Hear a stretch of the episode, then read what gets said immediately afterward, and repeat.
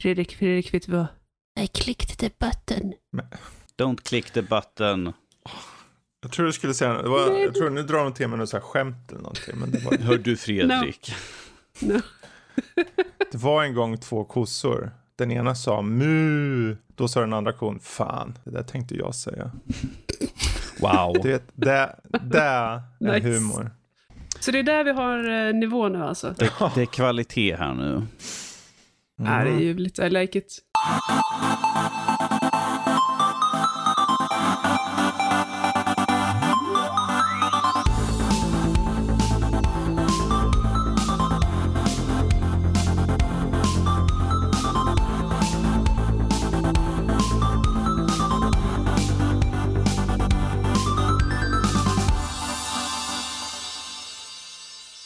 Hallå där allihopa och välkomna till vår säsongspremiär. Det är dags för Nördliv. Jag heter Fredrik, med oss har vi Lotta och Danny. Och eh, ja, det är till och med avsnitt nummer 315. Det är den 21 i åttonde. Vi är än en gång tillbaka i etern. Ehm, ja, hur har sommaren varit, Danny? Inte så varm så jag är nöjd. Wait, what? Vilken sommar har du upplevt? Well, jag har ju hä- hängt mycket inne sådär. Det är ju bara när jag sitter på balkongen och vädrar lungorna som jag har känt Som när det av. var 35 grader där i Well, juni, det, jag har en Oh, fläkt som går på högvarv. Den, har- den kommer få... Nu när det kommer bli svalare så kommer den äntligen få ställa sig i, i skrubben och vila ett helt år. Ja, det är bra. Låt den vila. Har, har din fläkt fått vila också, Lotta? Eh, nej. Hjälp. Alltså, grejen är att jag är lite av en isbjörn. Mhm. Och isbjörnar i 35 grader värme smälter lite som isglassar. Så att jag har spenderat hela Smälter sommaren. isbjörnar alltså? Det, det är ditt argument här. Som vi Ja. åker till sol, liksom, de sätter en sollampa på någon stackars isbjörn så ser man långsamt bara... Ja, du vet det här med global Mm. warning? Det är därför eh, vattennivån höjs, för att isbjörnarna smälter. Att det är isbjörn. Japp, Så det är där de Jag har haft på det nyheterna. Det är där som varit på nyheterna. Ja, men det är isbjörnar som smälter. Det är därför det blir så mycket vatten här i världen. precis. Är de gjorda av is då menar du alltså? Eller vatten menar jag? Det är bara pälsen. Okej, så det är en Men det är bunt väldigt, mycket fluff. Men då är det ju ännu värre, för då är det en bunt jävla nakna isbjörnar uppe. Ja, precis. Så du kan tänka dig nu i vinter, när alla är nakna för att pälsen har smält bort. Åh, stackarna. Ja, de Ja. kommer få det jättetufft. Vilka det också är synd om, det är ni som lyssnar just nu, för ni ska få höra allting möjligt från Death Store, första intryck, Diablo 2 Resurrected, eh, Back for Blood, eh, The Ascent potentiellt och I am dead. Eh, vi kanske också tar Ratchet Clank här också, såklart. Eh, Lottas eh, Men Fredrik, intryck Fredrik nu när vi har tjatat i ett par veckor på att de ska Mm. spela skiten så... Och, Ja, men, ehm, eh, nu har jag ju äntligen möjligheterna med min Ja, nya nu- fina PS5. Just det. Du som bara, ja men jag köper två på en gång. Hur svårt kan det vara? Och mycket riktigt, hon köpte två på Amazon. Hur lätt som helst, de kom efter ett par dagar. Det är väl så man gör. Ja, men det är så roligt när man har en vän som, som tycker det är jobbigt att få presenter lite random. Och så köper man en PS5 till honom i present och så, och så blev han alldeles upprörd. Det var jätteroligt. Ja, eh, jag... Fyllde han eller Nej, personen i fråga? nej. Okej. Oh, vad det finns saker jag önskar mig. Anywho, Sagan om ringen kanske vi också tar upp. Uh, för nostalgi blir lite av ett tema idag känner jag. Det är ju, många av de här titlarna är lite så här åt det nostalgiska hållet. Eller kanske uh, har, eh, in, ja, kommer från någonting som ger uh, nostalgi. Som Back for Blood som kommer från Left or Dead liksom. Men eh, vi kommer självklart börja med att gå in på lite nyheter och nej, vi kommer inte täcka hela det här jäkla sommaren som vi varit borta. För det har hänt mycket såklart. Och jag tror det första då som vi kanske ska riva av eh, om en kort då för att försöka summera upp allt som har hänt med Activision Blizzard. Det är nog för mycket känner jag. Mm. Utan jag, Mm. jag, det är ju det är ju en fråga om eh, sexuella trakasserier och liknande som det har snackats om. Eh, eller åtminstone har eh, tagits upp nu i rättegång. Eller i alla fall Kommande, rätt, Potentiellt. kommande rättegång. potentiell Mm. rättegång om de inte förlikar eller någonting. Mm. Eh, och eh, jag tänker, jag kommer inte dra som sagt allting, för jag tror att de flesta i, eh, i den här svängen, ni som lyssnar, ni har nog koll på det. Men det är ju mycket riktigt saker och ting som man inte verkar ha gått rätt till. Eh, minst sagt. Och oss på ett personligt plan kan jag säga att jag, jag, jag personligen tycker att om det här stämmer så är det helt anskrämligt och mycket riktigt behöver gå framför rätta. Eh, mm. Punkt slut liksom. Det, eh, Definitivt. Alltså, människor, människor som är funtade på ett sätt som tycker att det här är okej. Okay. Det här är en kultur som jag vill bidra mm. till. De, de behöver få sina comeuppance. Ja. Um, och, Sen är det ju, jag tror också mycket är att det är ju, det är ju en typ av företagskultur som har funnits här där ja. den här typen av sexuell jargong har funnits jättelänge och det bara har fortsatt för att det, är, det är ju standard då för dem som i alla fall jobbat mm. och de som kommer in nytt de bara behöver vänja sig för kommer man underifrån vad har man för något val liksom. Mm. Men mm. saker och ting händer, folk har blivit avskedade, det kommer upp nya saker, indicier hela tiden. Än en gång, det här är ju då någonting som ska gå till rättegång så jag kan personligen inte säga, vi sitter inte på faktan. Det finns dokument där ute och ni kan ju googla om ni vill ha mer information angående det här så finns det st större sajter som Bloomberg och uh, The Verge och så vidare som säkerligen har bättre koll. Men skulle det här stämma så, så kan jag väl säga att för mig personligen så känner jag det är helt horribelt. Mm. Punkt slut. Mm. Uh, och med det så ska vi gå vidare till någonting lite mer roligt förhoppning, eh, förhoppningsvis. Uh, det kommer, det kanske går att dippa lite upp och ner i alla fall, men uh, Lotta. Ja. Vi tar det här med grafikkort först nu för att... ja, yes! Du sitter ju där. Vänta, förlåt, vad skulle du säga? Ja, eh, Intel har ju haft shower nu i veckan som varit och eh, mm, då har de eh, visat upp egentligen sin nya ARC-serie. Och det är då eh, gaming-grafikkort. De har tidigare gjort andra typer av kort som de nu för samman i en serie som heter ARC då. Eh, och det är ju det är en sak, men sen när de säger att de här kommer börja komma under 2022 då mm. blir man ännu mer intresserad. Och mhm. sen när de slutligen säger att vi kommer även ha en DLSS-liknande teknik som kommer till ARC GP, GPUs, alltså grafikkort, under 2022 också. Gör Precis. att eh, vi helt plötsligt sitter med en tredje eh, tillverkare, så gott som. Yeah. På en som marknad. Som faktiskt kan tävla. Ja, de har ju musklerna Intel. Vad, vad, är det då som, vad innebär det här då? Om man ska försöka säga för er som lyssnar som inte har så bra koll på. Jag tänker jag tar det mer allmänna så kan du gå in på djupet om du vill, om du har koll på mm -hmm. det. Mm -hmm. Men tänk er då en, ett läge där vi har då i, i, i nuläget där det har varit Nvidia och AMD uppenbarligen då. Och eh, det går hela tiden fram och tillbaka. Det är ju så. Och är det som nu när grafikkortspriser är jättehöga på grund av efterfrågan och och tillgång, då blir det ju helt bananas. Eh, det här kanske fortsätter, det kommer ju fortsätta även för det är ju samma tillverkare av kretskort och så även till Intel. Men de kommer försöka komma in på en marknad där de, de har ingen marknadsandel, Intel. De har alltså noll. Vi ser någon som kommer in på en marknad, de har in, ingen som helst plats där idag, utan det är antingen Nvidia eller AMD. Det betyder att de måste ju försöka sälja in det. Mm. Hur säljer man in nya grafikkort? Jag tippar på att du ger bra prestanda för bra pris. De kommer inte ha high-end tror jag. De kommer ha mid-tier, alltså mittkort typ så här. Um, men om de kommer in där och de kommer in till våren, mm. Då tror jag att både AMD och Nvidia dels måste själva se över sina priser, de måste se om sina produkter, de måste se om sina tekniker. DLSS, den här uppskalningstekniken från Nvidia, den är ju låst till deras kort.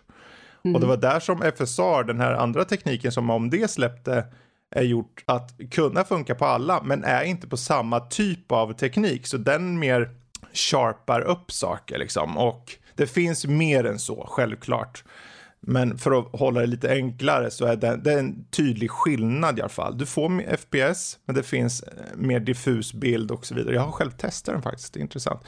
Um, men om de nu kommer Intel och släpper faktiskt en eh, till synes fungerande uppskalningsteknik som har den här AI-tänket ungefär som i DLSS så tror jag nog att det blir riktigt mycket liv i luckan. I alla fall på grafikkortsfronten. Jag vet, jag, alla yeah. kanaler jag tittar på, typ så här YouTube, de är helt så här, det här är ju helt, vi har inte sett det här på 25-20 år. Precis. Så egentligen, ja, priser kan förändras radikalt. Hela landskapet för grafikkort kan förändras radikalt. Och du som konsument kan bara sitta och vänta in det här för de måste strida. Intel mm -hmm. kommer göra allt för att slåss nu. De har musklerna rent pengamässigt. Och eh, de vill och det här går samtidigt, det här har vi inte med som en nyhet, men de kommer lansera en ny CPU-serie som mer eller mindre förändrar deras teknik lite grann. Men som gör att de på långt håll vill dominera allt. Det kommer mm. inte Nvidia gå med på, det kommer inte AMD som också har CPU, processorer då, vill jag gå med på. Så det, det kallas krig och det kallas fördelen till konsumenter. Eh, det vill säga jag när jag springer iväg. Bara, jag ska köpa grafikkort till norsken, han behöver ett nytt. Och norsken bara, men jag har inget nytt. Oh. Och så sitter jag där på en, en eh, drak skatt av grafikkort och bara tycker... oh, Men vad, nu, nu har ju inte de gått in så här jätte på, mycket på detalj än. Nej, eh, det kommer precis. komma mer om det här inom kort eller längre fram. Eh, men redan tidiga kort har jag hört för mobila marknaden ska komma först troligtvis. Mm. Men just XESS Mm, som jag precis. tror deras eh, machine learning eller DLSS liknande teknik heter. Den kommer släppa samtidigt vad det verkar som. Precis, uh, den kommer ju vara knuten till de här XE-serien, XE-korten. Mm. Uh, det första uh, heter Alchemist, det som kommer nu i början av nästa år. Mm. Uh, fantastiska namn som Battle Mage och, och Celestial och Druid kommer sen också. Mm. Men, men det som är spännande, de har, ju, de har avslut, avslöjat lite grann. Och grejen med, eh, med Nvidias DLSS, som vi ju känner till och har, har kunnat titta på eh, på nära håll, det är ju den här machine learning-motorn som eh, extrapolerar mellan frames och tar reda på var tar pixlarna vägen, var tar färgerna vägen. Och sen själva machine learning-grejen, det är ju att AI-motorn som sitter bakom lär sig vad det är för objekt. Mm. Den lär sig hur objekten ser ut. Mm. Och det är därför de kan bli tydligare och skarpare än AMDs FSR. Mm. För den lär sig ingenting. Nej, precis. Utan det är den, mer den gör sitt bästa bara... hela tiden, men den glömmer. Det är lite ja, som jag. Du blaffar ju bara på någonting, på det ja, befintliga. Precis. Precis. Det, det, är lite som en dator som bara kör med ram och inte har någon mm. hårddisk. Eh, Medan en, en eh, machine learning-motor faktiskt har en hårddisk, den lär sig någonting, den har ett långtidsminne. Mm. Eh, och som det ser ut som så är det precis så här XCSS funkar också. Mm. Och det här spännande att de pratar om att göra det här mer universellt. De tar FSRs approach till det hela, eh, med att göra det mer öppet och, och göra det mer tillgängligt än Nvidia. Mm. Eh, men att de tar Nvidias väldigt mycket bättre, kraftfullare teknik. Mm. Och det, du säger, som du sa där att um, det kommer finnas med först och främst på deras grafikkort. Det innebär inte bara att det kommer finnas på deras grafikkort. Det här kommer vara en Nej. teknik enligt dem själva som går att applicera på alla grafikkort. Precis. Um, och att det, som de har pratat om att, inte i nuläget, men att det längre fram finns en chans att bli open source också. Det vill säga att vem som helst får gå in och tinkra. Eh, vilket innebär egentligen att vilken grafikkortstillverkare som helst kanske vill optimera extra mycket exempelvis. Eller att du kanske tar ner den där mod-grejen på sajten som gör att vissa saker i ditt grafikkort blir ännu tydligare eller vad, vad det må vara. Ge mm. inte Lotta idéer. Lotta har redan suttit och pillat ja, med OpenGL. Det, det, vore, det vore fasligt mumsigt enormt smaskigt. Och jag tycker också, om, om vi går till ett lite mer helikopterperspektiv igen, mm. deras timing med det här. Mm. Att, de, att de går ut med det här nu när, när hela hypen, alltså både Nvidia och, och AMD tror att de ska få lov att andas mm. lite nu. De har klarat launchen och, och de har börjat kunna få ut kort till någon Precis. annan än scalpers. Nu tror de att de ska kunna vila på sina lagrar. Men Intel säger nej. Mm. Nej. No rest for you guys och bara går in med en sån här punch rakt i nyllet. Mm.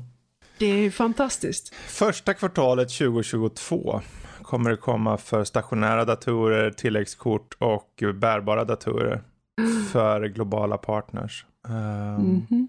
Och globala partners för er som undrar då, det, till exempel, det finns ju EVGA och det finns Power Color, det finns MSI och det finns Asus och de här märkena. Och då får de möjlighet att göra deras version av det här då troligtvis. Eh, och det första som du sa, kodnamn Alchemist, eh, är där då.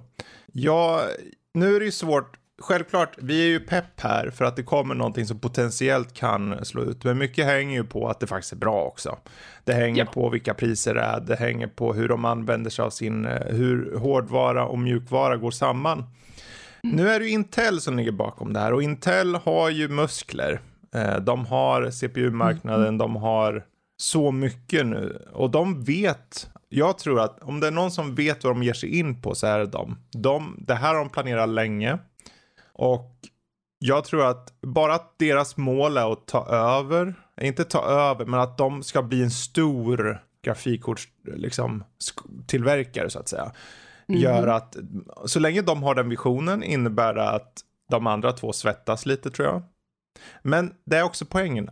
De svettas för att de vet att de, nu kanske det ruckas lite på, men de har grejer också. Mm. Både Nvidia och AMD har saker på G som, som sägs vara helt sjuka. Och, och det är liksom nu, det här behövs. Uh, ja, det, jag, jag, jag, vet inte riktigt vad jag ska säga. Jag, jag mm. såg det häromdagen och tänkte varför, varför pratar ingen om det här? Men sen så kollade jag på YouTube på några som just tar hand om det här och de var ju så här helt rabiata. Bara, det här är helt otroligt. Folk förstår inte riktigt vad det här innebär. Och, men men ja, ja, En, en annan sak som är vad, vad det faktiskt innebär. Mm. Uh, nu, nu är det risk att jag låter lite som en dramalama här. Men en dramalama. Ja. En dramalama. Vi, vi vet alla vad vi tycker om dramalamor. Drama. Men ja. med tanke på hur länge Intel och Nvidia har gått hand i hand, mm. är det här en backstab? De... Uh, eh, AMD... Eller, eller är det... Vad sa du? AMD är, och dem? Nej, om... om nej, precis. Om, om det här är en backstab från uh, Intel till Nvidia. Jaha. Eller mm. är, det, är det ett gemensamt beslut? Att de har liksom vetat om det här sedan tidigare? Nvidia kanske till och med fått en förvarning? Det här är ju på en sån Intel... nivå så att jag tror definitivt att de andra vet. Mm. Det är ungefär som på konsolmarknaden att när de släpper en ny konsol så släpps den andra i närheten för att de har kontakt med varandra. Precis, och med tanke på hur nära XESS och DLSS ja. är har de kanske till och med samarbetat. Det tvivlar jag väldigt mycket på dock. För då, då skulle det bli patenteringsproblem och då skulle Nvidia eh, stämma skiten ur dem. Utan de, de har tagit fram tekniken själva. Eh, mm. Den är ju inte helt exakt och vi, vi, har inte, vi har den inte på pränten. Den är inte, de har tagit Nej, upp så här, så här, så här fungerar den och så visar de lite powerpoint så. Men den säger ju inte allt, vi måste vänta och se liksom. Men som du mm. sa det är en stab mot, det är definitivt en, en stab mot på just DLSS och FS, FSR. För mm. att AMD lyckas ju inte göra som, eh, som Nvidia med sin DLSS. De, de gör en annorlunda teknik, men de säger att den kommer komma till fler. Men den är, inte, den är inte superbra. DLSS är bra, men den är bunden till Nvidia. Och, där, och det är här, de här två sakerna som nu stabben kommer individuellt då. Mm. För AMD, de har försökt nu att ta fram en teknik och det har tagit dem år säkert. Och nu kommer Intel och säger kolla vi har en teknik som kommer och den kommer komma på allt, precis som FSR. Varför ska man då ha FSR? På Nvidias sida, då säger Intel nu, men vi har en teknik som är som DLSS. Den kommer vara till alla. Och så varför ska man då ens ha DLSS? Mm -hmm. Så i ett slag så mer eller mindre kan de potentiellt rasera för båda. De har bara vässat armbågarna och ja. på väg in. De är i alla fall mm. på väg in. Huruvida de håller sig kvar, det får vi se till våren där. Jag hoppas vi kan köpa in ett sånt här kort, för jag är sjukt nyfiken. Hur är det med programvaran? Den ska vara med DirectX 12, eh, som i sig har raytracing. De ska ha raytracing eh, från start. Mm. Och mm. så vidare. Eh, och uppenbarligen en sån här teknik då, DLSS-liknande eh, Excess, eller vad hette den? Um, så jag, jag mm. tänker det är, det är intressant, den heter Excess. Du vet som Precis. över, vad heter det? Över, ja, överdåd. Typ. Överdåd. Typ. Mm -hmm.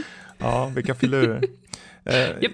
Ja, jag tror inte vi ska ah, hålla sig kvar här, det blir för nördigt. Jag, jag, jag, men... tänker bara, jag tänker bara ja. slänga in min, min mening alltså, så att folk hör att jag fortfarande är kvar. Att mm. Hej För mig- ja, hej Lotta, jag är fortfarande kvar här. Eh, som gemene man när det kommer till de här typerna, alltså grafikkort och sånt där. Jag hör att det är en till aktör på marknaden, vilket betyder konkurrens, slåss om liksom att få ut korten till gemene man där, vilket betyder i slutändan pressade priser eventuellt, Mhm. vilket bara gagnar oss.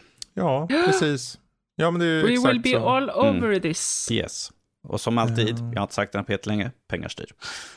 Ja, och pengar styr för konsumenterna. Och Yes. det är just det. För man, Ja. Det är intressant, för man, det är ett jättebra att du sa det. För det är just, pengar styr ju oftast, när man är herre på täppan liksom, då är pengar styr. Och kan de ta upp 20 papp, 25 papp för grafikkort.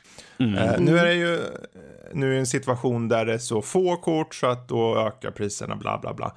Men så var det ju även, egentligen skulle de kunna ha höjt för tre år sedan Nvidia när de ledde som bäst.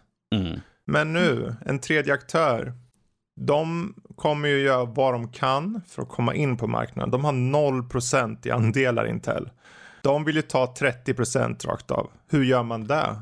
Pressa priser. Få det Pressa, pressa vara... priser, okej prestanda liksom som kommer Ja. in, slår in sig. Även som det är som du sa, att det kanske är liksom middle of the road-kort. Ja. Att det inte är high-end. Men att du, ifall du får ett medelkort Mm. eh, som kanske ligger jämbörd med 3060, 3070-korten. Ja, precis. Men på ett bättre pris. Varför Ja. skulle du då slöpa, lägga ut mer pengar på på ett, ett 3060-kort när du kan köpa det andra kortet som är Mm. Jämbördigt för en billigare slant?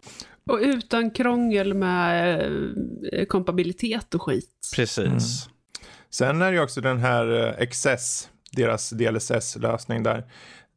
På deras PowerPoint-grej, eller vad man kallar det, presentation, så visar de, okej, har ni vårt kort, då får ni utöver redan grundläggande boost, även den här lilla boosten. Så det finns en, en unik aspekt till att äga ett sånt kort, för eh, XS kommer kunna gå sen längre fram på andra kort, men då får du inte lika hög boost i FPS. Men om du har deras kort, ARC-serien, då får du lite mer. Det ska bli, ska bli intressant när, när slash om vi får in ett kort och gör våra tester och kan se hur det står bland resten av korten vi har testat på och sånt där. Ja. Precis. Nej, Jag nej, tr- norskis, när. Definitivt Ja, ja, när. när. Ja, precis, det är bara en fråga om när. Ja, vi ska ha ett uh, punkt slut. Om det inte är typ 12 pappskort sådär. Mm, eh, för jag, det är ju fortfarande, de, de ligger ju än en gång under samma problem som alla grafikkortstillverkare. Att uh, där kretskorten görs på en plats. Och där måste det fortfarande de köpa in dem ifrån. Ehm, men eh, det är bara att vänta och se. Det är bara att vänta och se. Kan ju att, kan ju komma att det blir en bättre situation med ökat eh, produktion, liksom, så att de kanske får ut mer kretskort och sånt. Ja, om vi säger så här, vi kan ju ta det nu när vi ändå är inne på grafikkort. För hela situationen på grafikkortsmarknaden, ni som, har, ni som av, av er som lyssnar som faktiskt vill köpa grafikkort och eh, kanske har köpt det, vad vet jag. Ehm, marknaden är ju som den är just nu. Det är skyhöga priser och det är liksom eh, dålig tillgång helt enkelt. Men det ser, det ser bättre ut. Eh, mycket av de läckor som har skett på sistone, framförallt då på Nvidias sida och AMDs, för AMD kom själva ut när deras nya kort som heter RX 6600 XT släpptes här för en vecka sedan i- inspelande stund. Då sa de att det skulle finnas en god tillgång på just det här kortet.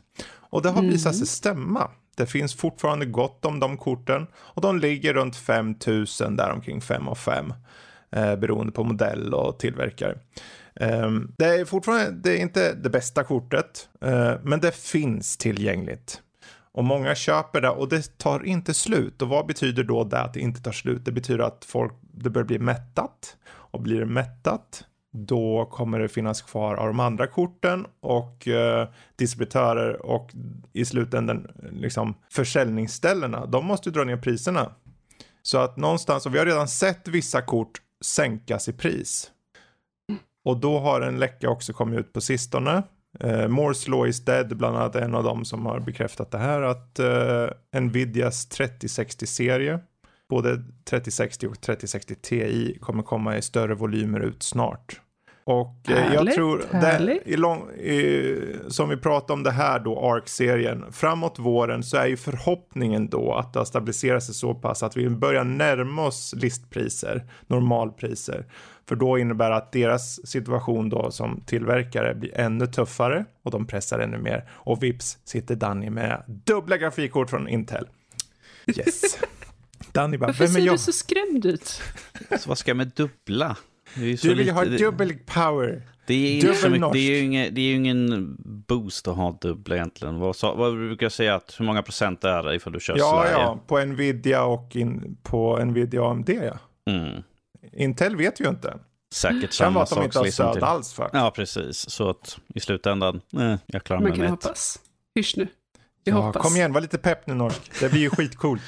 um, ja. Apropå saker som också är intressanta i alla fall. Det är ju vad Sony valde att köpa nu i sommaren. Eh, ja, de, de går på shopping spree. Ja, de var det. De, de tänkte, men eh, det här med anime, det är bra grejer va. Du, eh, Hugo där borta, tar du och lägger en slant på det här. Och så köpte de Crunchyroll för en miljard dollar. eh, ja, ja. Jo, det var ett tag sedan jag spenderade så mycket pengar på anime. Precis. Eh, de det, där, det, där, sin... det där lät som att Lotta har lagt så mycket pengar på anime förut. Så det var länge sedan jag har lagt så mycket pengar på anime. Jag bara, hmm, vänta nu. Det betyder att du har lagt eh, pengar, så mycket pengar. Jag har aldrig lagt en miljard kronor på anime. Wink, wink. Mm. det är i alla fall intressant för vdn då, yeah. Ken, eh, Kenichiro Yoshida, eh, kommenterar med att säga just att anime i sig är snabbt växande medium som lockar och inspirerar känslor bland publika i världen över och att den här inriktningen på Crunchyroll, nu parafraserar jag på slutet, kommer göra det ännu bättre för dem att komma närmare både skaparna och fansen av just anime. De vet ju, mm. för de har ju en publik idag, Sony, för det, det bör nämnas, det är ju Sony-gruppen, alltså Sony Group, mm. inte specifikt eh, kanske Playstation nu, utan Sony i storhet. För det kan ju Stora innebära, Sony. Det kan betyda på tv-apparater direkt eh, anslutning, det kan vara på mm -hmm. konsolerna och allt det här. Um, och att de då vill ha med den här typen av underhållning på hela sitt utbud mer eller mindre. Um, vilket går lite så här hand i hand. De är ju liksom uh, Playstation och Sony är väl baserat i Japan. Så mm. varför inte ha anime? Och äga Precis just en av de största tjänsterna i världen. Om inte den största va? Antar jag. Ja, ja, det skulle jag säga. Att de är, eh, för tillfället i alla fall, den mm. största mm. streamingtjänsten av anime. Eh, och frågan är ju också inte bara vad, vad betyder det här för tv-apparater, för mm. konsoler eh, och, och liksom den, för den, bara den grejen är ju jättestor. Vad innebär det här för Crunchy? Ja. För att idag, idag så kan du titta på Crunchyroll helt gratis, mm. men du blir dränkt i reklam. Okej. Okay. Eller så kan du prenumerera på deras premiumtjänst eh, och så får du se hur mycket anime som helst utan någon reklam. Mm. Så att det är ju, beroende på hur mycket av en fattig student du är så, så väljer du antingen den ena eller den andra. Men det här uppköpet, kommer det påverka? Mm. Kommer det göra att du inte behöver se fem reklamer i rad var femte minut i en anime? Ja, Kommer de, kommer de lösa betalningsalternativ på något annat sätt? Här, hur, um, hur kommer det här påverka det här, Crunchy? Jag tror frågan här är, vad är intentionen från Sonys sida? Mm. Att stärka sitt befintliga utbud är ju ungefär som eh, Microsoft och Game Pass. De vet att tjänsten i sig, så länge den är billig och stark och, och drar till sig folk, så i, i långa loppet tjänar de mer på det. Det kan vara att de, säg att de, för vi har ett exempel i artikeln som, som, det, som vi har fått till oss här, liksom, att varför inte till exempel ha med det i Playstation Plus? Mm. Ge det som, för Playstation Plus är ett bra exempel, för jag personligen känner, visst du får något spel, men det finns inget annat för mig där.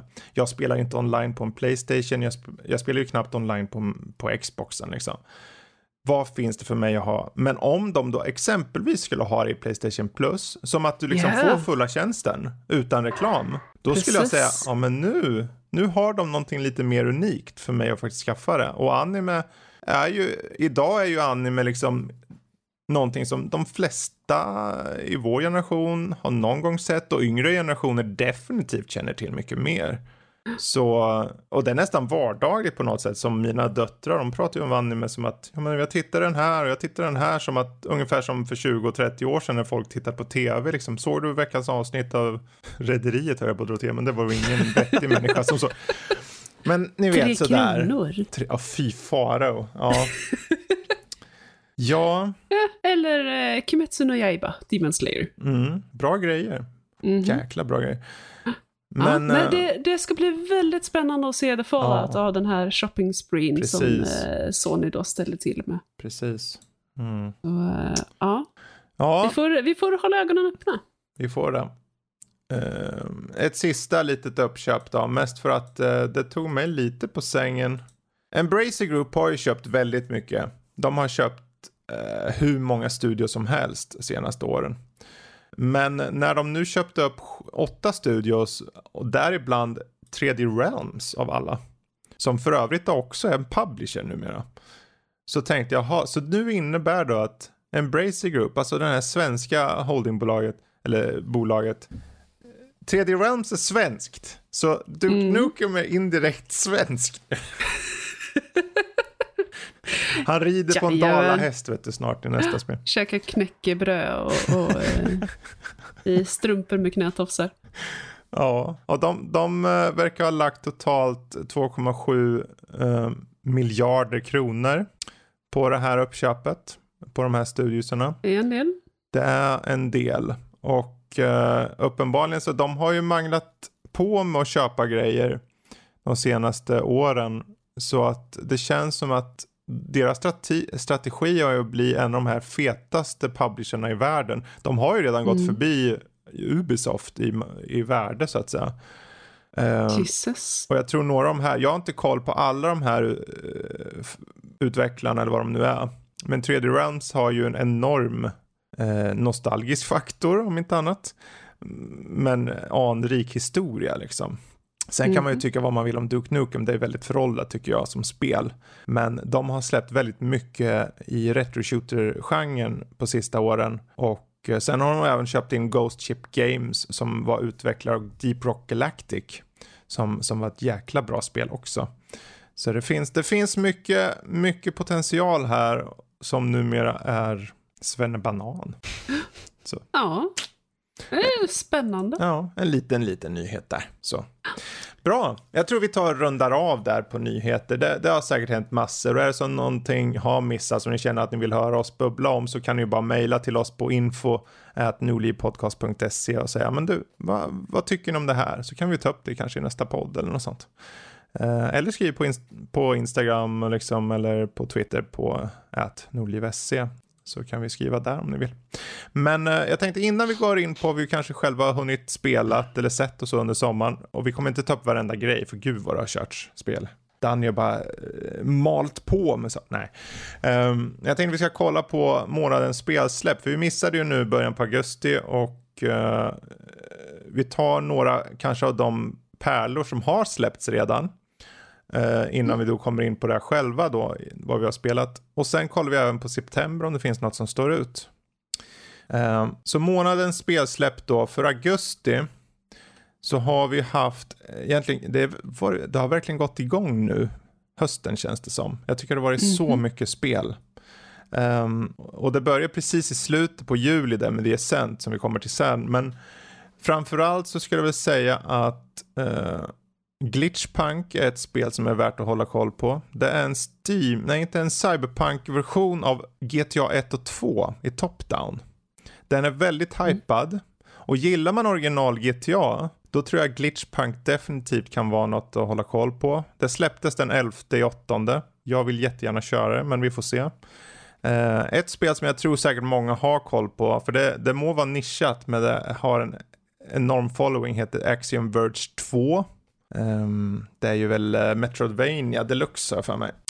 Eh, och sen då Dannys favoritspel, Boyfriend Dungeon. Han eh, drömmer sig bort i en värld där han dejtar sina svärd som är härliga, muskulösa det män. här, Fredrik, jag är inte jag sån här, men det här låter ju mer som ett Lotta-spel för att hon har mer svärd än vad jag har. Ja, men det är ju det som är grejen. Jag dejtar mina svärd när de faktiskt ser ut som svärd.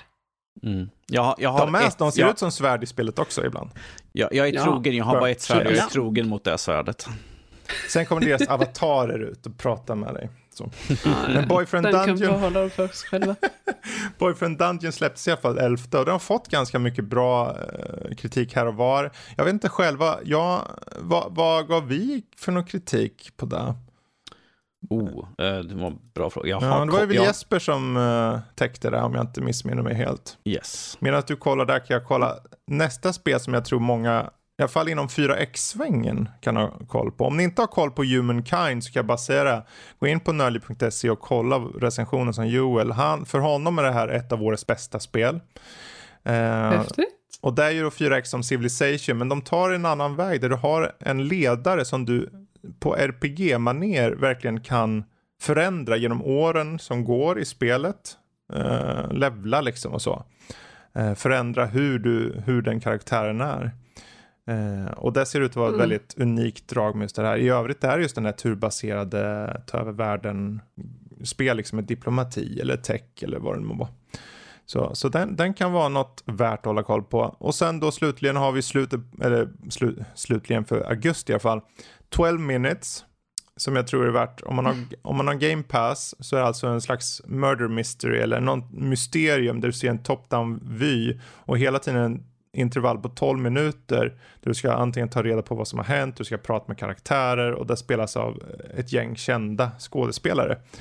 Uh, Daisy Ridley som var Ray i nya Star Wars-serien och uh, James McAvoy och Willem Dafoe om jag inte missminner mig. Yes. Uh, så 12 minutes kan vara värt att hålla koll på. Um, sen varför har vi två inskrivna i den här listan? Det var ju konstigt. För att någon är knasig och borde få mm. smisk på stjärten. Då är det någon som får den där scenen.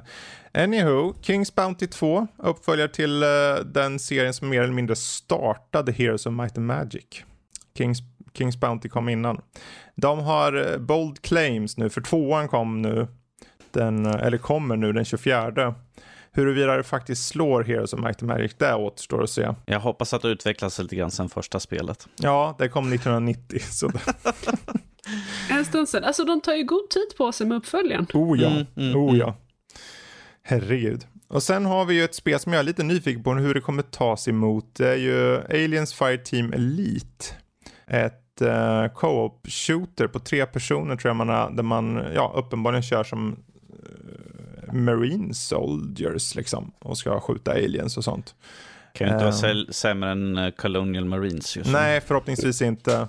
Jag vet inte, det, det, jag tycker det kan, se, det, kan, det kan bli bra. Det är lite lågmält så, det har inte fått någon jättestor push från Focus Home som släpper det. Men det är också det som gör att jag känner att det kanske kan vara bra. För om de hade sagt att det här är årtusendets spel, då skulle jag betyd, vara betydligt mer så här, hmm. Men nu känner jag, att det här kanske kommer och är precis vad det är bara. Mer av en kanske en sleeper hit liksom. Ja. Så här, kommer smyger in där plötsligt vi bara, varför har vi inte kört det här för? Precis. Alla andra pratar om det. Tre personer, skjuta aliens, låter bra. Dagen efter Aliens Fire Team Elite och rätt spel som jag vet Danny kommer prata om kanske nästa gång han är med. Psychonauts 2. Eh, Double Fine-spelet, Tim Schafers spel där, eh, släpps. Eh, till synes mycket humor, till synes plattformande och liknande. Den 25 till, augusti. Till synes fucking bonkers. Till synes fucking bonkers. Ja, ja men det är väl ja. lite det vi förväntar oss av Psychonauts. Ja. Mm. Och där är väl egentligen de spelen för, jag tycker personligen i augusti. Om man tittar då på september, eh, för att riva av den räkan tänkte jag säga, för det är ju vad man säger. Eh, Artful Escape är ju ett udda spel i sido så sidskrollande spel där du spelar en snubbe som spelar gitarr och det är mycket musik i spelet, eh, väldigt unik grafik från Annapurna Interactive och släpps den 9 9 Jag tror den definitivt kan vara värt att hålla koll på. Jag vet inte om den är det är en sån där spel som kan vara verkligen, det kan vara superbra och det kan vara en sladdrig B-macka liksom. Så. Uh, sen har vi ju ett spel som jag tror Jesper har pratat gott om. Han gjorde en förhandstitt på det här. Det heter Tales of Arise ett ganska påkostat, mig veterligen JRPG typ um, rollspel, då actionrollspel av Bandai Namco. Som ser väldigt snyggt ut och så, har en ganska unik look till sig. Släpps den tionde i nionde. Definitivt värt att hålla koll på. Lotta, du har ju en Switch, eller hur? Ja. Har, har du någonsin kört en sån här Warriorware-spel? Inte än. Inte än. Warriorware Get It Together, så här klassisk, co uh, inte co-op, det är kanske mot varandra idag. Jag har aldrig kört Warrior-spel ändå uh, själv så. Men det släpps också den tionde. Just den tionde mm. har ett, ett gäng spel. Life is Strange True Colors, nya Life mm. is mhm. Strange. Och Lost in Random som är ett slags, vad kan man kalla det Danny? Den här estetiken påminner om de här filmerna, de här stop motion-filmerna. Uh, typ Nightmare before Christmas. Uh, ja, precis. Stop motion. Exakt. Filmerna. Sen har vi Deathloop den 14 september. Det kan bli bra. The Arcane Studios, de som gjorde, uh, vad heter serien? ja, det stod still precis. där. Totalt. Arcane i alla fall, det är inte Thief, det är den här Dishonored, så heter den. Mm. Och nu släpper de en slags uh, retroartad shooter med uh, 60-talsstil. Ah. Ja, jag tror den kan vara... Det, det, det, är mycket mer i spelet än så. Jag drar ju väldigt förenklade liksom, beskrivningar av de här spelen. Men jag tror definitivt den kan vara någonting eh, att hålla koll på. Och sen då Kina Bridge of Spirits, den som vi har pratat om säkert länge nu, för den har skjutits upp nu och kommer i september istället, den 21 september. Och eh, Diablo 2 Resurrected som också kommer i september, september är en bra månad, eller hur? Um, så det är väl egentligen de jag känner står ut på september och augusti. Eh, potentiellt undantaget är även spelet Fist in Shadow Torch där man spelar som en slags, det är en kanin som har en stor eh, biomutant-arm så här. En sån här stor eh, mech-arm. mech liksom. Och hela världen, det är som en, eh, en fabel. Alla är djur och det är liksom en sån här mecha-world och det är massa konstiga saker. Och är side-scrolling, action. Jag tycker den ser också väldigt bra. Den, den kommer ju den sjunde i nionde. Så, men eh, jag, jag, tror att de här två månaderna kommer bli helt bananas faktiskt. Med stort B. Det ser inte bättre ut. Det ser inte bättre ut. Är om du Lotta bara, jag vill ha Hot Wheels Unleashed. Ja, ja, du kan sitta och vänta på din Hot Wheels du. Ja. Attas. Mm, så är det. Livet är hårt, sen vaknar man upp. Um, Bara för att återkoppla, Boyfriend Dungeon fick ingen utmärkelse, men den fick liksom att eh, det, det, är ett lugnt avslappnat spel, det är lite grann i Hades-stuket. Eh, och i form av Game Pass så är det tillgängligt där, så det är perfekt. Just det, så. just det. Mm. Härligt. Då är ju frågan vad vi själva har spelat, för nu ska vi hoppa över till just det. Och um, jag tänkte om vi två kanske ska snacka lite först Danny, för Diablo 2 Resurrected har vi ju petat på lite. Yes. Um, Ja, du satt på konsol va? Yes, jag mm. körde på Series X. Mm. Mm. Hur kändes det då? Kändes det som förr liksom, eller vad tyckte alltså, du? Var, eh, om vi säger så här, nostalgin gick ju väldigt i eh, högt upp på direkten man startade upp den, musiken slog igång och mm. Jag plockade som vanligt barbar. Uh, jag bara, skit i alla andra, jag bryr mig inte om de andra, det är barbar som gäller. Ja. Jag vill ha min stora muskelknutte som tar och krossar varenda jävla insekt. Du vill ha din vänster. stora muskelknutte? Ja, ja, det är bara för att jag skulle önska att jag själv var lite mer musklig istället för fläskig. Men mm. det är en helt annan femma ju sådär. Försök rädda det.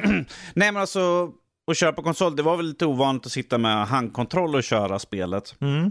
Som originalet körde ju på PC.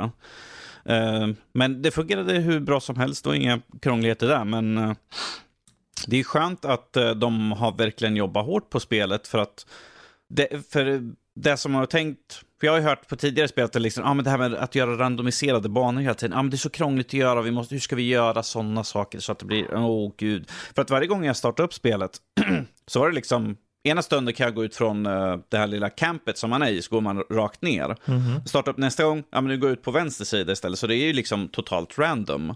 Fast mm. ifall man inte har hittat en sån här portal när man har gått till ett nytt ställe, då är det liksom så här, ja, nu måste jag leta upp dit igen och försöka hitta portalen. Det är väl det enda som är irriterande hela mm. tiden. Men så är det i originalet också, så här, att jag måste hitta portalen, annars kommer jag... Oh! Men, åh oh, gud alltså, att hoppa in i spelet igen, det är ju inte hur många år sedan man körde tvåan. så, ja, och så liksom, mycket jag, man jag, körde jag, också. Jag, liksom. bara, jag känner mig ung igen, liksom som när jag var mindre. det var riktigt kul ja. faktiskt att hoppa in igen. De har gjort ett fantastiskt jobb på det. Men kändes det inte märkligt att sitta med kontroller istället för vid PC? Alltså det var som sagt, det var ju lite annorlunda att köra med kontroll, men jag körde ju, jag hade ju original, Diablo hade jag ju på hade jag en kopia på Playstation på svenska, vilket gör det mm. dubbelt så konstigt att höra på svenska. Eh, så det har jag ju kört tidigare, men att köra nu tvåan på konsol, det var, liksom så, det var lite ovant i början. Liksom, hur gör, vad gör jag de här grejerna? Ja, ja, men sen mm. kolla bara in kontrollschemat, sen var det liksom inga problem. Precis. Funkade jättebra. Så. Ja, och det, är ju, det hade ju varit konstigt om de inte hade släppt den på konsol med tanke på att de släppte trean på typ allt kändes det som. Yes. Eh, och så. Um, 2012, det är ett tag sedan. Det är ett tag sedan och fyran kommer när den kommer. Men yes. eh, tvåan, jag körde den här under, lite petade jag på den igår och körde en bra bit idag. Oh, alltså bara musiken på en gång, jag bara, ja, jag är hemma igen. Det här spelet som jag satt med i decennium och körde. Jag har fortfarande gubbarna utsparade från mina gamla liksom. Liggande som jag, jag sparar mina gamla saves och sånt så sparar jag dem. Men det är just att det var förvånansvärt krävande för datorn märkte jag. Den gick igång ganska starkt och låg väldigt igång konstant och så. Så de, den, den här 4K-uppdateringen och de här effekterna och sånt, de tar mer än man tror. Um, men det är ju remastered på grafiken på allt. Mm. Och då snackar vi inte bara själva spelet utan även gränssnittet och så som är väldigt mycket mer eh, detaljerat liksom. Jag tycker bara kul att det här kommer vara cross progression. Så om du sitter på en konsol och du kör lite grann och tar med den på switchen och kör lite vidare och sen sitter du vid datorn och kör det. Det går, mm -hmm. det är mhm. bara att fortsätta liksom. Um, men den där känslan som jag kom in i var bara, oh, det, är som, det är så det här ska vara. Det är så här det ska vara alltså. Sen att de kommer föra in, liksom, de kommer ju revampa hela det här lädersystemet med eh, säsonger och sånt. Och du kommer köra upp till åtta pers om du vill. Då kan varje person dessutom ha en egen minion om man mm. önskar. Så det kan vara 16 personer typ då till synes som springer runt på banan. Det måste vara superkalabalik liksom. Bara, alltså, Jesus, trafikstockning. Ja, så kommer de till ställe och alla monster bara, nu ska de, monster står bara, haha, de kommer hit, nu kommer en ensambärbar. Så kommer det typ 16 pers, en armé mer eller mindre. och bara mosar slafset ur de där monstren. Mm. Eh, jag, jag, bara föreställer mig att det här ska bli väldigt kul att testa igen. Jag, jag är ju jag är fortfarande, man är ju lite så här nu med tanke på Activision och sånt, men om man bortser från det, det, det ett helt företag är ju inte, det är ju inte alla som har varit på ett och samma sätt, känner jag. Och jag måste utgå från att, uh, i och med att de fortsätter och det här ska släppas, att det är företagskulturen åtminstone hos några. För någon har suttit här och varit väldigt idog. Uh, för det här har så mycket kvalitet i sig, känner jag, på betan bara liksom. Så att jag, jag vill ju ha det här. Sen att inte man kunde köra alla karaktärer var lite tråkigt i betan, men... Uh, Nej, men det var men ju det, bara det är ju fine liksom. Det är helt fine. Um, Vilka var det man inte kunde köra? Kommer du ihåg det? Det var Amazonen, Necromancern, Sorcerer och Druid kunde man inte köra tror jag. Jag vet att Paladin och Barbaren eh, och så var det någon mer tror jag. Kanske var Amazon man kunde köra förresten. Eh, tror det var, tror det var fy, fyra eller fem som var körbara. Det var bara två stycken som inte gick att köra. Jaha, för mig var det, jag tror, trodde det var typ tre som gick att köra. Ja. Nej, var, för mig var det på, så var det två stycken som inte gick att köra. Okej. Okay. Eh, men det är ju som sagt betan. Är det mm. så att nu, nu kommer ju den här släpps det här avsnittet när betan snart är över. Men om ni mot förmodan så är det ju egentligen bara att gå in och ansöka. Eller ni behöver inte ens ansöka. Har ni det, PC det är så. så. är det ju bara att gå in i klienten och bara trycka och ladda ner på beta. Så. Jag, har ju, jag har ju haft turen och jag har ju hunnit kört två gånger nu som mm. jag fick tillgång till den stängda betan. Mm. Så jag körde ju förra helgen och satte liksom mörda, mörda, mörda, mörda. um, och uh, jag har hunnit leka lite grann idag, förutom recensionsspel då, som jag sitter Precis. och, och stressspelar. Ja. Så det har varit, jag har haft kul nu i två mm. helger sådär, utöver liksom andra spelen som jag Sen kört. Sen är det ju frågan, alltså det kommer kosta 400, är det värt för nya spelare att ta sig an där? Det har ju mycket nostalgi för mig. Jag vet inte hur mm. mycket, hur, hur väl står det sig egentligen med det här lilla inventoriet? Man blir ju lite lack på det ärligt talat. Ja, men ja. det är väl en del av svårigheten i spelet? Ja, och det är en del av, paradoxalt nog, är det en del av skärmen faktiskt. För att du måste tänka på vad du ska lägga med. För man tar ju Precis. allting i början. Okej, okay, här är en cracked skull eh, helmet eller någonting. Och så tar du skiten. Men sen, du tar ju bara de färgade objekten, liksom blått, gult och så vidare. Du skiter ju i resten. Vad får du? Tre spänn för någonting? Du kan lika gärna skita i det. Men i början tar man ju allt. Och då går man mm. runt lite så ah, jag måste ha mer utrymme. Jag vill ha Horadric Cube så jag kan slänga in mer skit i det här. Um, mm -hmm. Oavsett, spelet släpps ju nu i uh, september. Så det är väl bara att hålla utkik om man mot förmodan är sugen den 23 där. Så kommer den finnas tillgänglig. Huruvida det kommer komma en fysisk utgåva, eh, vad det verkar så än så länge har de inte sagt något om det. Så det ser Nej. ut att bara vara digitalt. Uh, lite tråkigt. Men, hade, uh, han hade gärna sett en Collector's Edition. Ja, men å andra sidan ganska förståeligt. Det är ju inte en, uh, ett main-spel som släpps på nytt. Då hade de ju släppt fysiskt säkert. Uh, så jag kan som förstå. sagt, kan ju komma down the line. För mm. vi har ju mm. sett spel förut som har kommit enbart digitalt som senare har fått en fysisk Precis. utgåva. Ju. Precis. Uh, vad som däremot finns uppenbarligen i fysisk utgåva, det är ju film. Och film har ju setts på. Sagan om ringen är ju just det som vi tänkte, eller du ville ta upp Lotta. Ja, alltså eh, det blev ett, det blev ett tryck här för, för inte jättelänge sedan. Och jag kände att, äh, men nu... Mm. Det var ju flera år sedan jag såg om den. Jag ja. kommer ihåg när de kom för en typ fem, sex år sedan. Det var väl typ fem, sex år sedan Sagan om ringen kom, right? sure, sure. right. yeah, you know, give or take ett decennium. Mm. Eller två. Um, Hysch nu. Men jag kände, alltså på den tiden, då, då såg jag ju om eh, hela trilogin mm. med Extended. Eh, jag vet inte hur många gånger. Mm. Det, var, det var nästan allt man gjorde ett tag där. Mm. Och nu kände jag, nej men nu är det, det är dags. Mm. Det är dags. Och banne mig, jag blev kär igen. Vad är det här? Vad är det här? Det, det som står ut med Sagan om ringen, alltså, jag tänker inte sitta här och för, förklara berättelsen nu, så ni som lyssnar liksom, vad är det här? Ni, ni få som undrar, vad är Sagan om ringen?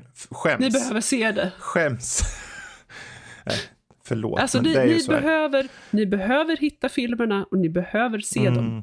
Punkt. Det är ju det. Jag, jag slog så när jag såg det sist att det har åldrats väldigt bra. Yeah. Visst finns det någon väl? sak här och var. Jag tycker personligen stentrollet när de blir attackerade i, i Moria är lite, ty, lite väl tydligt. Men överlag i övrigt tycker jag, fan det här håller ju skitbra. Men just den här kombinationen mm. av att det är inspelat mycket i kameran så att säga. Det är mycket uh, miniatyrer och det är mycket liksom bara makeup. Precis, mycket och, practical effects. Ja, som gör att det står sig så jäkla bra. För när jag Precis. tittade med dvärgarna, till och med dvärgarna, det här är ju bra. Det är 20 år gammalt. Det det är högt betyg för ja. att komma från dem. Ja, faktiskt. Dvärgarna, a.k.a. mina barn då. Eh, äh. Om inte lyssnarna har koll på det redan efter så här många avsnitt.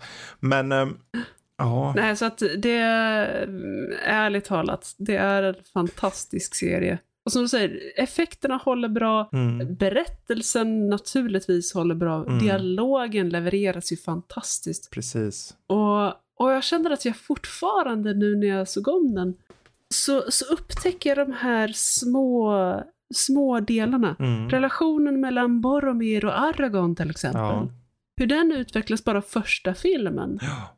Är ju hjärtskärande vacker. Mm. Jo, bara verkligen. de här små, små betydelsefulla orden. Mm. Så när, när, när Aragorn, eh, det här är slutet av, av första filmen, Uh, och, och Argon säger till, till Bormir, our people. Mm. Alltså, ja, mm, mm. Dudes. Maduds.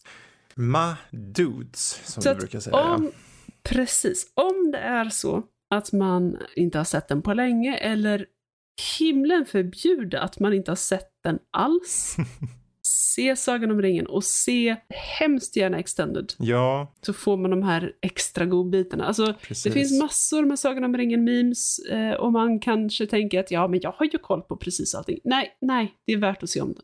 Kom igen, do it. Do it now. One does not simply miss seeing Sagan om ringen. precis. Nej, fantastiska filmer och eh, de står sig rent så här utseendemässigt så bra än idag. Jag tror mycket mm. har med just drivet som Peter Jackson, regissören, hade i att han i sig var en sån supernörd på just eh, Tolkien. Så att han, han har ju gjort en sprängfylld av referenser som kanske inte rent så här om du överför mot boken då, eller böckerna, så kanske inte hade varit i dialogen riktigt fullt ut på det sättet han gör det. Men på det sättet han väljer att gjort dialogen i Sagan om ringen-filmerna gör att de lyckas få med saker som, som anbelangar inte bara låren, utan ja men uh, Balrogen kommer, ja det var en av Morgoth Balrogs yeah. liksom och så vidare. De kan föra in sånt här och göra det mer tydligt att det finns ett djup i, i låren som får många bara bli eh, sugna på att lära sig mer. Jag tror, jag tror att de här filmerna bara hjälpte att göra tolken bara ännu mer eftersökt hos folk som vill läsa liksom. Man ja, ser filmen precis. och sen bara, ja jag tror jag måste läsa det här. Jag tror mm, definitivt mm, det hjälper. För ifall man läser, då får man i alla fall med Tom Bombadil. Ja, för han ja, var ju okay, så han viktig. Han är fantastisk. ja, men han är fantastisk. Men oviktig. Det är underbar. Ja, ja, fullständigt. men han är underbar. Ja. Han är, han är hela, hela böckernas hjälte. Ja. Mm. ja, jag menar det.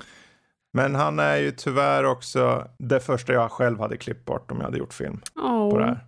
Jag menar, var, ja, var skulle du fört in han liksom? Alltså, när, när de skrev om så tog de ju bara många av hans eh, mm. äh, meningar och gav det till, äh, vad heter han? Greybeard? Vad heter han? Gandalf.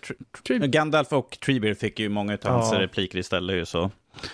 Precis. Så att de, För de har som... ju liksom slängt, de har ju, de, det är ju det som han gjorde mycket med Peter Jackson, att de tog ju en del repliker, tog de från en del karaktärer gav till andra för att det, hur de liksom tolkade liksom att det blir bättre, mm. det blir en mm. känslomässig eh, tyngd ifall vi tar den här istället. Ja, mm, plus att precis. en avstickare med en snubbe som står och joddlar i skogen, den, den, den blir bara... Den, den tar ju bort pacingen, den tar bort hela just idén om Frodo och den här hotet som finns liksom, tycker jag. Så jag, jag förstår mycket väl, och jag tycker personligen det var bra att de gjorde det. Död åt Bombadil säger jag. Det ska bli, nej. What? nej men oh Sagan ringen, fantastiska filmer och eh, vi hoppar vidare. Uh, och vi, vi går tillbaka till lite nostalgi då, för jag tänker Back for Blood. Det, det kom mm. ju egentligen utifrån Left for Dead då, den här gamla four player co-op, första persons shooter med zombies.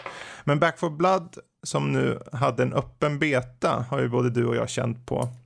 Mm. Um, vad, vad, är dina intryck av det? Me likey. Me likey.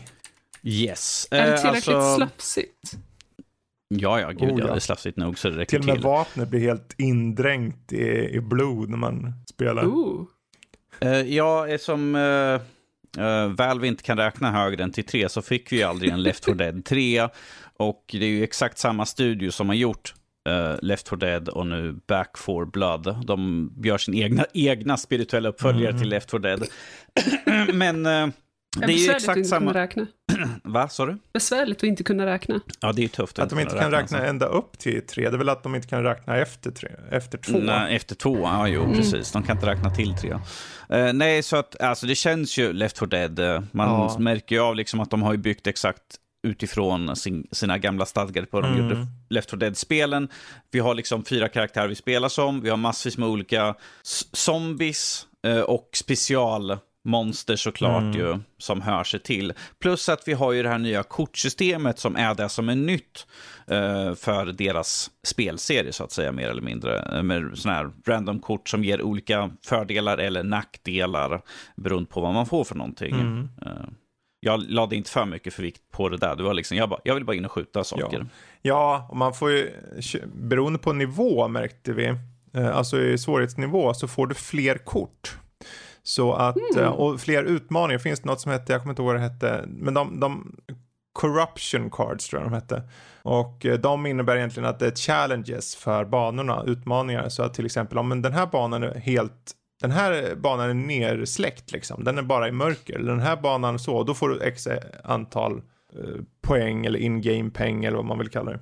Um, de förde till en hel del på, på de högre svårighetsgraderna.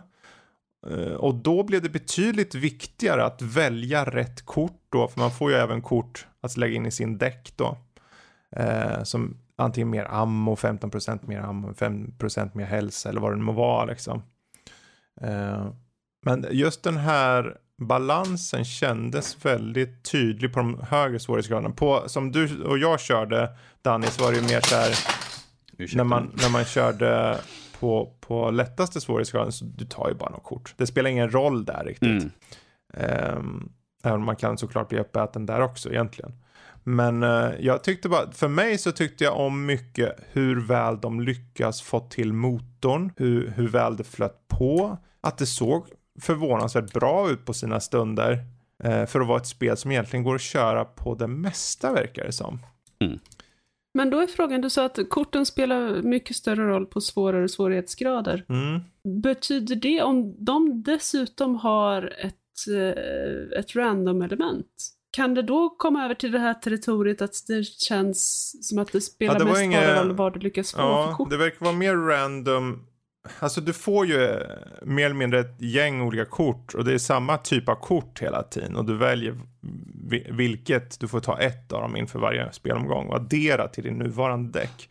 Men i och med att din däck då byggs upp då under spelets gång så kan du då eh, när du har kört en bit in i spelet, okej, okay, jag kanske har tillräckligt många kort så jag, det spelar ingen roll vad jag tar. Jag, jag kanske har fokuserat på okay. att ta mycket hälsokort bara så jag har hög hälsa.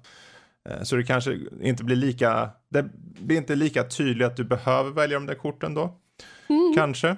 Nu är det ju så att huruvida de där korten spelar in eller inte spelar in i, i, i långa, alltså när spelet väl släpps. Det är, ju, det är ju där vi får se då. För jag antar att det är ju inte bara en fråga om att testa servrar som de gjorde nu med betan utan också faktiskt se funkar det här systemet som vi har, särskilt med korten då. Um, för när vi körde på enklaste nivån, då, det, då spelar det ingen roll vilka kort man tog egentligen. Då var det super, superlätt. Eh, men på de svårare, då blev det betydligt mer eh, intrikat. Framförallt på de så kallade corruption cards som gav olika challenges. Och då fick du flera. På, för, på lättast får du bara en corruption card. Som det var typ okay. Skjut någon i bakhuvudet på eh, så långt avstånd så får du poäng. Och så gjorde man det och så klarade man det. Medan det var betydligt svårare på nästa svårighetsgrad. Och då fick du tre challenges samtidigt. Så, men just då, spelets upplägg med det här kooperativa systemet. Vi hade problem med botarna. De var ju, mm. de fastnade i saker. Det var en gång som jag körde då en bot jag hade satt ut en sån här minigun, typ så här mini, eh, vad blir det? Något jättegevär som någon kan ställa sig vid och skjuta. Mm, en Gatling gun. Ja, en typ. Gatling gun. Och då ställde sig den där boten där och sköt. Och vi tänkte, ja men det är bra, han skjuter. Sen gick vi vidare. Och sen märkte vi, vad fan, var tusan är den där boten? Aha, och då står vi på, på avstånd då, för man ser typ siluetten av de här olika karaktärerna. Då var han ju fortfarande kvar där när vi var på slutet på banan. Så jag fick ju, jag fick springa hela vägen tillbaka och skjuta ihjäl han. Uh, och det var på en bana där man hoppar upp i en, eh, en lastbil med massor med små djur, så här mjukisdjur som eh, så här piper och har sig när man trampar på dem. Uh, på, en, på en ledge liksom. Uh, problemet var att när jag kom fram till den så var det en bra bit upp. För man hoppar ner, det blir som ett nytt område. Så jag, jag fick försöka, jag fick glitcha mig igenom där. Jag stod där och hoppade, hoppade, hoppade, hoppade, hoppade. Och till slut så av ren tur så kom jag åt där genom att hoppa upp. Och kom igenom och sköt den där i huvudet. Och sen försvann han bara plupp. Och så var han med de andra. Långt, långt bort i slutet av nivån. Så jag fick springa ända dit. Um, mm. Det... Ja, alla bara var, åh, var det Fredrik? Oh. Ja, jag, jag, spelade ju med matte då. Han stod ju kvar då och väntade. Men uh, där, där, där hoppas jag att de fixar lite. Å andra sidan är det ju 4-player co-op som gäller. Så eh, när du väl kör som spelet ska spelas med fyra, totalt fyra personer, då kommer det inte vara ett problem med boter, för då är de ju inte med. Mm. Om inte någon zombie är knäpp, men ja, de kan du ju skita i åtminstone. Ja, det är inte liksom så här, ta död på alla zombies. Ah, den har glitchat in i en vägg, jag kan inte komma ja, åt precis. den. Och det hände ju ett par gånger. Det var någon gång så här stort monster med så här stor arm så här. De har en jättestor arm och ska ta någon, bara lyfta upp. Då han fastnade halvvägs genom marken. Men han kunde fortfarande greppa saker, men vi kunde inte skjuta den jäkeln. Uh, Men vi kunde slänga en granat på honom eller vad det var och så boom så dog han. Uh, så de har en del saker att optimera, men spelet släpps ju i oktober. Så det är ju ett tag kvar. Så förhoppningsvis är det fixat tills dess. Uh, Ja, jag vet inte om det är några andra intryck. Har du något mer du vill tillägga än Back for Blood, Danny? Mm, nej, alltså har man kört Left 4 Dead så vet man vad man mm. får. Det är som sagt, det är bara kortsystemet som är nytt egentligen. För att monstren i princip är ju nästintill samma. Så ja. Vi har ju en snubbe med en stor arm. Han tränar väldigt hårt för att bryta arm kan vi säga. Mm. Uh, förutom den här jättestora snubben som är superspecialaren. Oh, ja, eller vad fin Ja, jag mm. kommer inte ihåg vad han hette för någonting. Så är väl det egentligen. Istället för bilar så kanske det är fåglar som sitter på en kant som skräms mm. upp så kommer en hård. Uh, så att man kommer ju känna igen sig och det är ju lätt att komma in ifall man har kört mm. Left 4 Dead. Precis. Precis. Vil vilket, kan, vilket är ju som en fördel, för man saknat Left 4 Dead så är det ju ett oh, perfekt ja. spel att hoppa in i i så oh, fall. Ja. Jag personligen fann det så jätteroligt. Jag bara, det här är ju jättekul, det här vill jag köra nu. Jag vill ha det nu, ge mig! PS, det kommer på uh, Game Pass. Så sitter man på Game Pass på Trevligt. en Xbox eller PC så är det bara att köra då. Och jag tror det är cross, cross-platform om jag inte missminner mig. Så uh, det vore mm. ju nice, kan man sitta och köra mot någon som sitter på en handkontroll, skjuter dem i bakhuvudet. Eh, det skulle jag aldrig göra. Du menar sån här, plebs som mig alltså? Maybe. Maybe. Just det, det blir ju Friendly Fire Deluxe om du tar, ökar uh, svårigheten. Du, du, tar ihjäl någon annan med ett skott typ. Hey, watch ah. it! Don't yes. shoot at me. Och då blir det tufft kan jag säga. Wow. För folk, botarna framförallt springer ju framför en som galningar. Så de, de är ju så gott. Det är nästan bara eh, barmhärtighetsskjuter dem redan i början av banan så du slipper. Kan inte ha kvar dem där. Eller putta ut dem genom ett fönster så här. Klarar du själv. Ja, precis. ja, nej, det såg bra ut. Tyckte om det. Uh, och vad som också potentiellt ser bra ut, det är ju ett spel som heter Ratchet Clank Rift Apart som du har kört på din nya Playstation 5, Lottis. Ja, du, det ser bra ut. Det ser riktigt coolt ut. Ja. Vi har ju pratat om Ratchet Clank och jag tror de flesta känner till det här. Det är ju en plattformare med action, liksom. Du skjuter ju allt hela tiden. Liksom. Mm. Shooter-plattformar, vad, vad, vad, kallar man det här? Vad är det för Är det bara en tredjepersons shooter ja. då eller? Ja, typ Egentligen. så skulle jag väl säga. Ja. Egentligen. Eh, jag skulle inte påstå att det har eh, tillräckligt mycket platforming-element för att faktiskt kunna kalla sig för en platformer. Mm, sant. Sure, du måste ha lite precision med vart du springer och vart du hoppar. Men äh, ärligt talat, det är inte det som är grejen. Um, överhuvudtaget, jag körde ju på nivån som jag skulle tolka som normal. Mm. Uh, hemlig agent. Eh, och det, nu, har, nu är jag inte alls någon form av shooter-expert och jag har inte spelat, det här är första spelet jag kör på PS5. Jag är inte van vid handkontroll annat än fighting-spel och det är också var evigheter sedan. Eh, så att jag är inte en skicklig gamer. Och den svårighetsgraden var, den var väldigt bekväm. Mm. Det är något som man kan köra när man kommer hem väldigt, väldigt sent eller är väldigt död i huvudet efter att ha jobbat en hel dag. Du menar alltså att den är snorenkel alltså? Den är ganska enkel.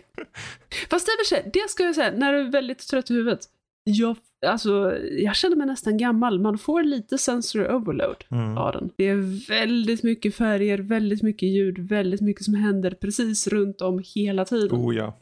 Uh, det blir ju lite, uh, man blir lite utmattad av det. det har jag också. Jag tar lite pauser från när jag har mm. kört mm. också faktiskt. För att förvisso för min del, nu kommer jag svära i kyrkan lite, det, jag blir lite uttråkad av det. Personligen. uh, det är ju genuint supervälgjort. Jag tror det är ju en av de här spelen till yeah. PS5 alltså, bara skriker kvalitet rakt yeah. igenom.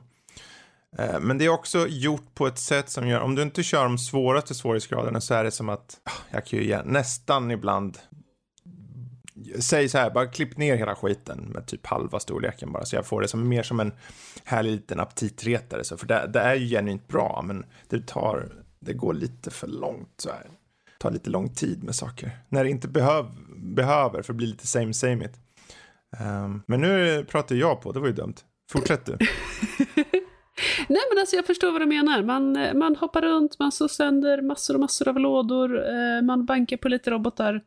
Eh, och så, sure. Mm. Men jag skulle säga att det är fortfarande ett väldigt spännande spel. Och det är oh, väldigt ja. spännande att springa runt och utforska. Ja, alltså, och den har ju, ju... de har ju lagt mycket fokus på på storyn framförallt tycker jag. Ja, precis. Eh, med olika storyn dimensioner. och karaktärerna. Ja, verkligen. Eh, jag har ju inte spelat något Ratchet Clank tidigare, mm. utan det här är första gången jag ser världen. Mm. Men jag känner ju redan karaktärerna och jag har Mm. bara kommit några procent in. Mm. Liksom. Eh, och också, också NPCer lär man känna Mm. med de här små kommentarerna som kommer hela tiden. Precis. Eh, så att det tycker jag är väldigt välgjort. Väldigt stiligt. Och jag, och jag blir underhållen av att eh, hålla på och försöka hoppa runt och upptäcka alla de här eh, hämda, eh, gömda hemlisarna. Mm. Eh, det, det är någonting som, som kittlar mig. Och att det är Det- lite minigames, du får Ja. rida på en träskloppa och, och du får springa runt som ett litet eh, dataprogram och mörda virus Mm. och så vidare. Det, ja, det, det är lite små roliga små detaljer på något sätt. Eller Ratchet and bitar. Clank, Rift Apart, citat Lotta. Det är lite små, eh, mysigt. Ja, det är också väldigt gulligt. Ja, det är otroligt gulligt faktiskt. Mhm. Och jag brukar ha väldigt svårt för de här gulliga spelen. Men det här spelet håller verkligen en perfekt nivå tycker jag. Det blir aldrig som att karaktären som Ratchet i sig är ju, han är ju väldigt söt karaktär tycker jag. Så. Men han är Ja. inte så här äckligt söt, vet, som de har hällt sirap på hela idén så. och Bara gjort han så här extremt stora ögon och det ska tindras och det ska vara så här fånigt. Nej, här är det liksom, han är en ganska jordnära karaktär, om en väldigt positiv. Härligt positiv måste jag säga. Precis, men om man tror på honom, man köper Ja. honom som person liksom. Precis. Likaså Rivet, den Definitivt. här andra karaktären som finns med. Mhm. Ehm, ja, så... Så att, eh, väldigt, eh, väldigt positivt här nu. Jag är som sagt inte färdig eh, på, med det Nej, eh, på en bit. Men eh, ja, eh, väldigt trevligt än så länge. härligt. Härligt. Fast med lite pauser då och då. Ja, absolut. Vad, ska man inte bara bränna igenom och ta platinum på dräkten? Ja, du vet om om man är vill. en sån cool gamer som du Danny. Men eh, Nu gjorde jag visserligen det, men cool, nej. Mm, vad som däremot kanske många tycker är coolt i det här spelet Death Store som jag har känt på. Ehm, Mhm. Det finns... Har du plockat upp, har du plockat upp det och klämt lite grann på Jag det? har sådär? klämt lite på det faktiskt. Ehm, mm, mm. Eh, Jag har kört eh, det, några världar in så att säga. Och eh, det är ju ett... Ja, hur tusen ska man förklara det här? Du spelar som en kråka som är en slags eh, reaper, alltså en döds... Eh, vad heter det? Dödsängel. Reaper. Liemannen. Ja, typ lieman och så här och, och samlar in själar och sånt. Eh, Shinigami. Ja, precis. Eh, Men då är det någon typ av tjuv som eh, tar en viss sak och du måste ta det till en värld där du, för i vanliga fall är du odödlig. För du är ju en Grim Reaper liksom, om än en kråka.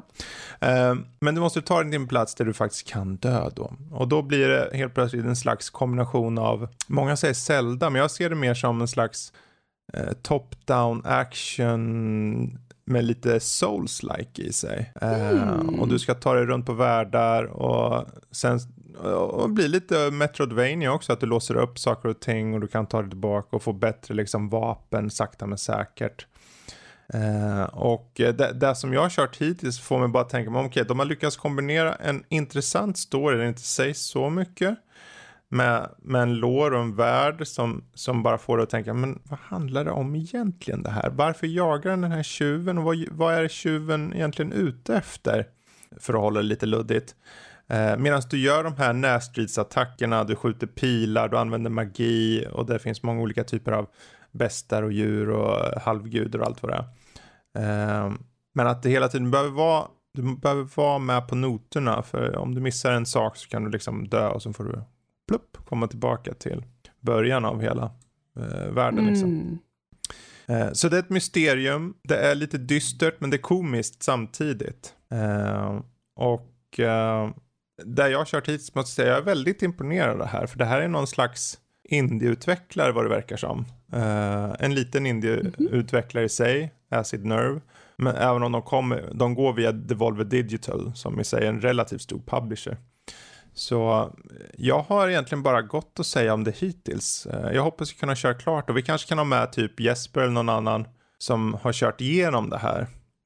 Eh, för att få den totala upplevelsen liksom. Men jag kan bara säga om ni gillar Zelda-liknande, lite små Souls-element med en väldigt unik stil och ett upplägg för en berättelse som jag tror inte jag riktigt har sett förut så är Death's Door någonting för er. Finns egentligen till de flesta eh, plattformar, vad det verkar som. Det låter väldigt spännande. Oh ja, oh ja. Um, och det var de första intrycken där. Och eh, jag tänker om vi ska gå till kanske Danny här med The Ascent.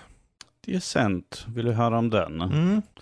Uh, ja, The, The Ascent är ju gjort utav den relativt nyuppstartade studion Neon Giant, vilket är ett gäng från vad är det, Machine Games? Machine Games, ja precis. Machine Games, yes. Eh, som då de hoppade, på, hoppade från där och startade sin egna studio och gjorde The Ascent som är ett isometriskt twin stick shooter-spel mm. uh, i cyberpunk-miljö. Um, där du kort och gott börjar som en, ja, vad ska man säga, en grunt. Mm. Längst ner i botten, du jobbar på under fabriksgolvet mer eller mindre.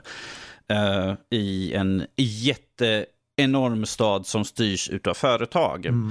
Uh, folk kommer från överallt i hela universumet kommer dit, men för att ta sig dit så, måste, så brukar de vanligtvis vara ett företag som får en att komma in dit. De betalar din resa in till staden och genom det så säljer du mer eller mindre av din frihet, att du lever som mer eller mindre en slav och jobbar för företaget, mm. vilket du kan bli fri, du kan jobba där hela ditt liv.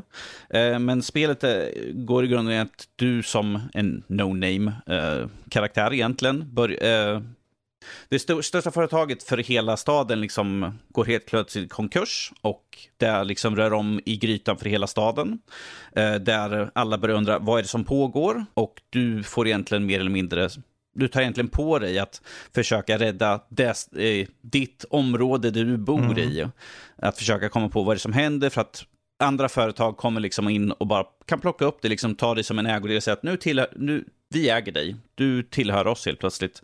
Eh, vilket händer lite längre in i spelet, där man blir upplockad av en annan faktion mer eller mindre. Okay. Oh my. Yes. Eh, där man får lite mer fördelar så att säga. Det, mm. Men eh, som sagt, det är en twin stick shooter. Eh, du springer omkring och kan, eh, du kan plocka på dig massvis med nya vapen, nya dräkter. Det finns ett par byxor som heter byxor. Eh, det är ett svenskt företag, så att varför inte ha byxor med i liksom hela, eh, hela stuket så att säga.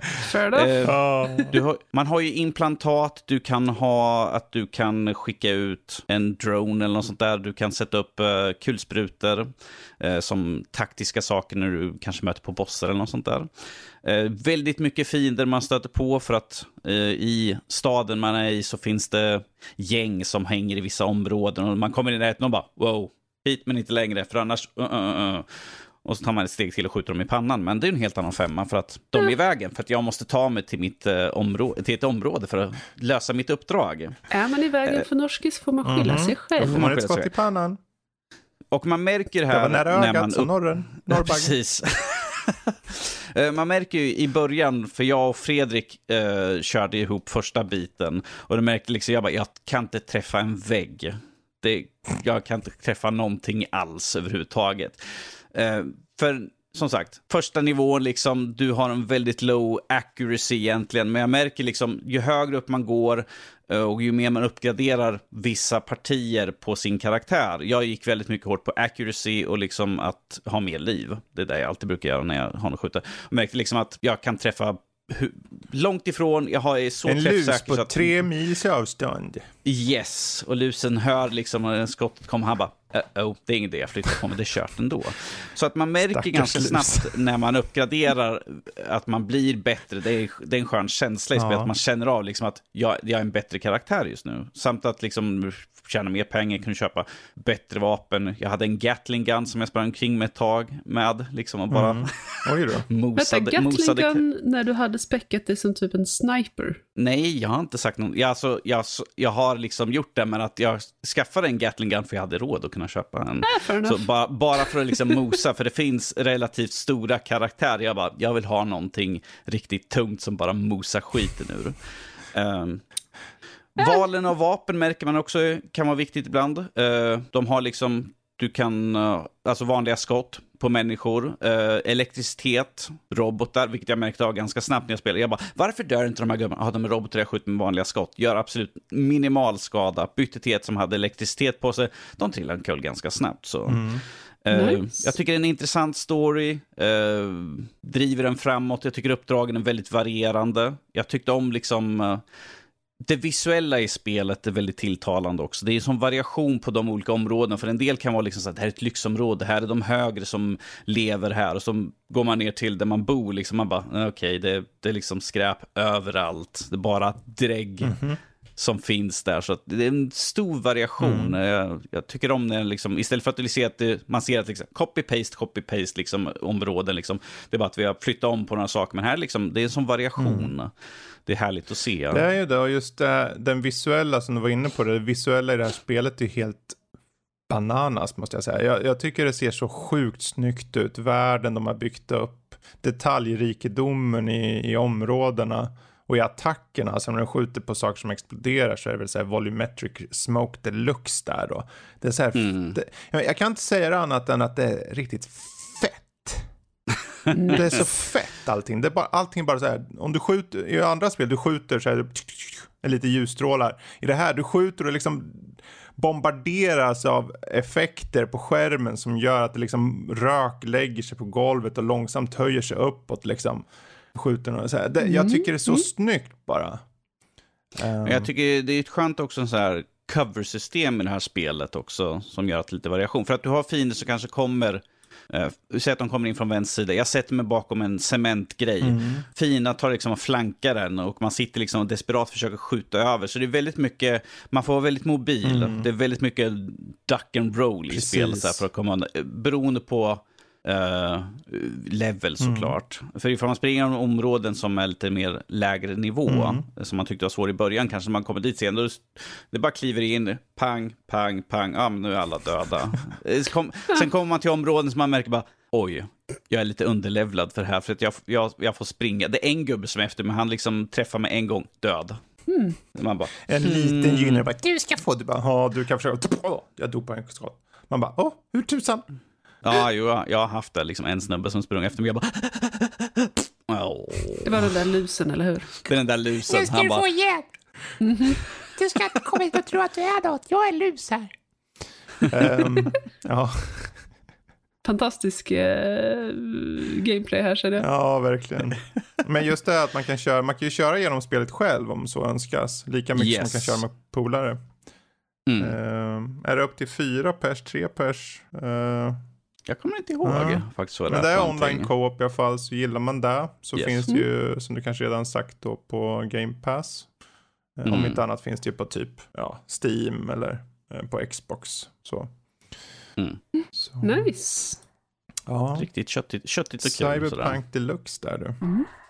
Mm. Härligt, härligt. Ja, jag undrar om vi inte ska ta och runda av där faktiskt. Vi får ta I am dead någon annan gång. Um, Ja, man är död så att det är inte att man går nej, någonstans direkt. Nej, precis. Och jag tänker vi tar och avslutar här då innan det med just veckans lilla Discord-fråga. Eh, och eh, det har ju varit mycket nostalgi här nu med tanke på Diablo 2 och det har varit Back for Blood och allt vad det varit, Ratchet Clank. Så tänker jag, varför inte ha lite nostalgifråga? Så den här gången så, hur mycket spelar nostalgi in när ni köper ett nytt spel i en anrik, läs nostalgisk spelserie? Och då kommer det vara mellan 1 och 10 den här gången. Så kan ni trycka på, ja, någonstans mellan 1 och 10 på hur viktigt det är. Och 10 är då högst. Mm. Och det här hittar ni då uppenbarligen på vår Discord.